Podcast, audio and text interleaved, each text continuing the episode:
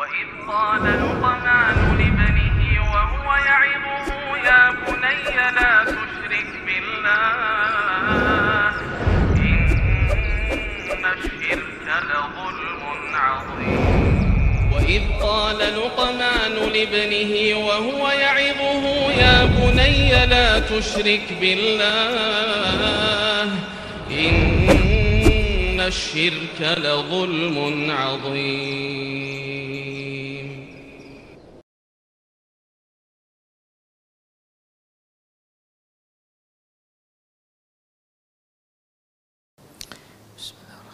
السلام عليكم ورحمة الله وبركاته. إن الحمد لله نحمده ونستعينه ونستغفره ونعوذ بالله من شرور أنفسنا وسيئات أعمالنا. من يهده الله فهو المهتد ومن يضلل فلن تجد له وليا مرشدا. أشهد أن لا إله إلا الله وحده لا شريك له وأشهد أن محمدا عبده ورسوله الذي لا نبي بعده. وقال الله سبحانه وتعالى يا أيها الذين آمنوا اتقوا الله حق تقاته ولا تموتن إلا وأنتم مسلمون. يا أيها الذين آمنوا اتقوا الله وقولوا قولا سديدا. يصلح لكم أعمالكم ويغفر لكم ذنوبكم.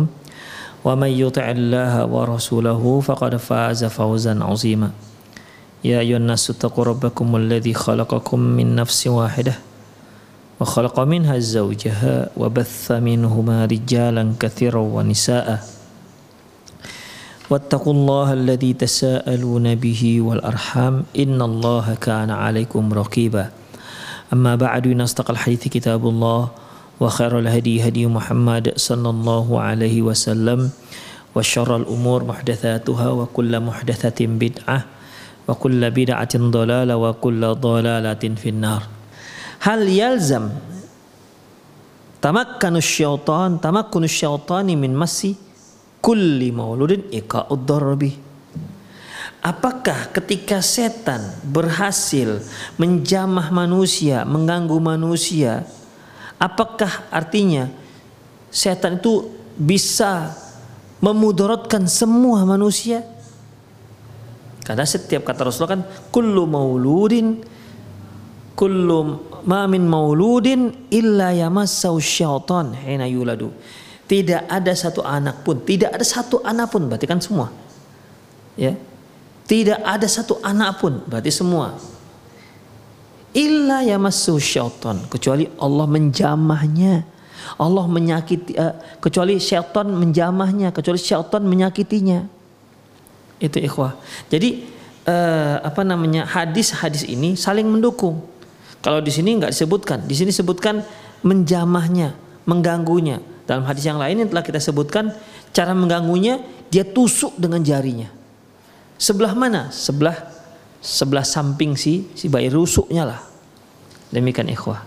Itulah yang dibuat oleh itulah kelakuan si setan ini dalam rangka untuk me, mengganggu seorang anak. Nah, sekarang permasalahannya, pertanyaannya yaitu apakah kemampuan setan untuk menyakiti setiap anak yang baru lahir, apakah dia akan berarti akan dapat memudaratkan semua manusia?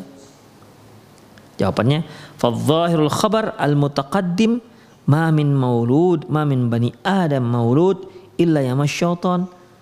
Kata penulis, ya so, zohir daripada beritanya, ya artinya semua.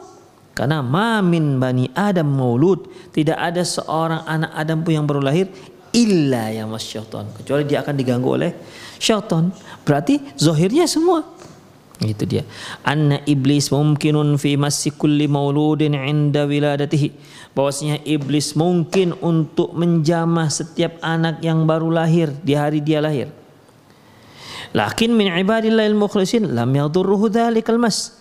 Tapi ada hamba-hamba Allah yang mukhlis, yang ikhlas. Jamahan setan tidak memudaratkan dirinya. Aslan sama sekali nggak mudaratkan. Wastuthniya minal mukhlisina Maryam wa ibnuha. Ya.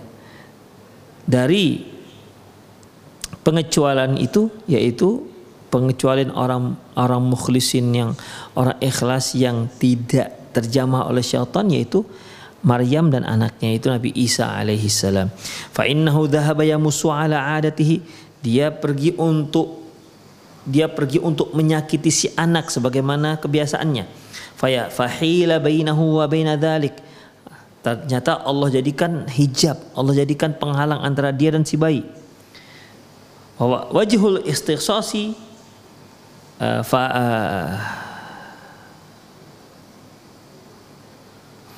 Fahada wajul ikhtisas ini adalah menunjukkan uh, sisi daripada pengecualiannya. Artinya nah, Maryam dan anaknya sebenarnya juga akan di akan di apa namanya akan disakiti oleh syaitan tapi dia nggak bisa nggak nyampe terhalang dengan dengan sesuatu yang dijadikan yang diciptakan oleh Allah Subhanahu wa taala. Fahada wajul ikhtisat wa la yalzam minhu tasallutuhu ala ghairihima minal mukhlisin dzikra minal mukhlisin. Kemudian itu pun bukan berarti ya bukan berarti orang-orang yang lain orang-orang mukhlis yang lain itu bisa dimudorotkan oleh setan. Jadi kan ikhwafiddin Rasul kan katakan nih ya ma min mauludin illa yamassuhu syaitan hina yuladu fayastahilla sarikhan min massis syaitan tidak ada seorang anak yang lahir pun kecuali dia akan menangis. Ya, dia akan menangis dikarenakan jamahan si setan. Kemudian ada pengecualian yaitu pengecualian Maryam dan dan anaknya. Apa permasalahannya? Terus orang-orang mukhlis yang lain gimana? Orang-orang yang ikhlas yang lain gimana? Apakah yang di muka bumi ini ikhlas itu hanya satu orang, anak dua orang aja? Seperti Rasulullah SAW. Nah, pertanyaannya, uh, apa pernyataannya berarti bukan berarti kalau orang-orang ikhlas yang lain itu bisa juga di apa namanya diganggu oleh syaitan, dimudaratkan oleh syaitan. Itu dia. Jadi dalam masalah ini ya dia diganggu memang terganggu, tetap diganggu, ditusuk sampingnya. Tapi apakah akan memudaratkan kehidupan si anak? Jawabannya nggak semua. Ada yang bermudarat, ada yang tidak. Karena ikhwafidin ternyata dari anak-anak bayi yang baru lahir itu banyak yang menjadi rasul, banyak yang menjadi nabi, ya, banyak yang menjadi orang-orang soleh. Itu menunjukkan bahwasanya ternyata setan nggak bisa me, me, apa, menguasai si anak Adam tersebut yang mukhlis tersebut. Kemudian ikhwah, a'azinallahu ikum, dzakarul hafidh dan hal ini pendapat ini yang disebutkan oleh Hafiz Ibnu Hajar Asqalani. Wa yu'akkidu dzalika qauluhu sallallahu dan yang seperti ini ini yaitu ditegaskan lagi, dikuatkan lagi oleh dikuatkan lagi uh, oleh sabda Rasulullah SAW, "Lau anna ahdahum idza ata ahlahu" Seandainya salah seorang mereka mendatangi istrinya, artinya lakukan hubungan intim, thumma yaqul kemudian dia katakan, Bismillahi Allahumma jannibna syaitan wa jannib syaitan ma razaqtana. Kemudian faqudhiya bainahum biwaladin lam yadurruhu lam yadurruhu syai'a. Kalau dari hubungan tersebut ternyata Allah beri anugerah rezeki berupa seorang anak, maka kata Rasulullah lam yadurruhu syai'a. Maka si setan tidak akan memudaratkan si si anak. Itu ikhwah rahimani Allah wa iyyakum. Ya, itulah dia. Ya, jadi jelaslah bahwasanya eh, bahwasanya ya dia di eh, ditusuk dengan jari si setan menangis juga. Tapi bukan berarti orang ini akan ataupun bakal menjadi budaknya setan. Enggak enggak harus gitu. Demikian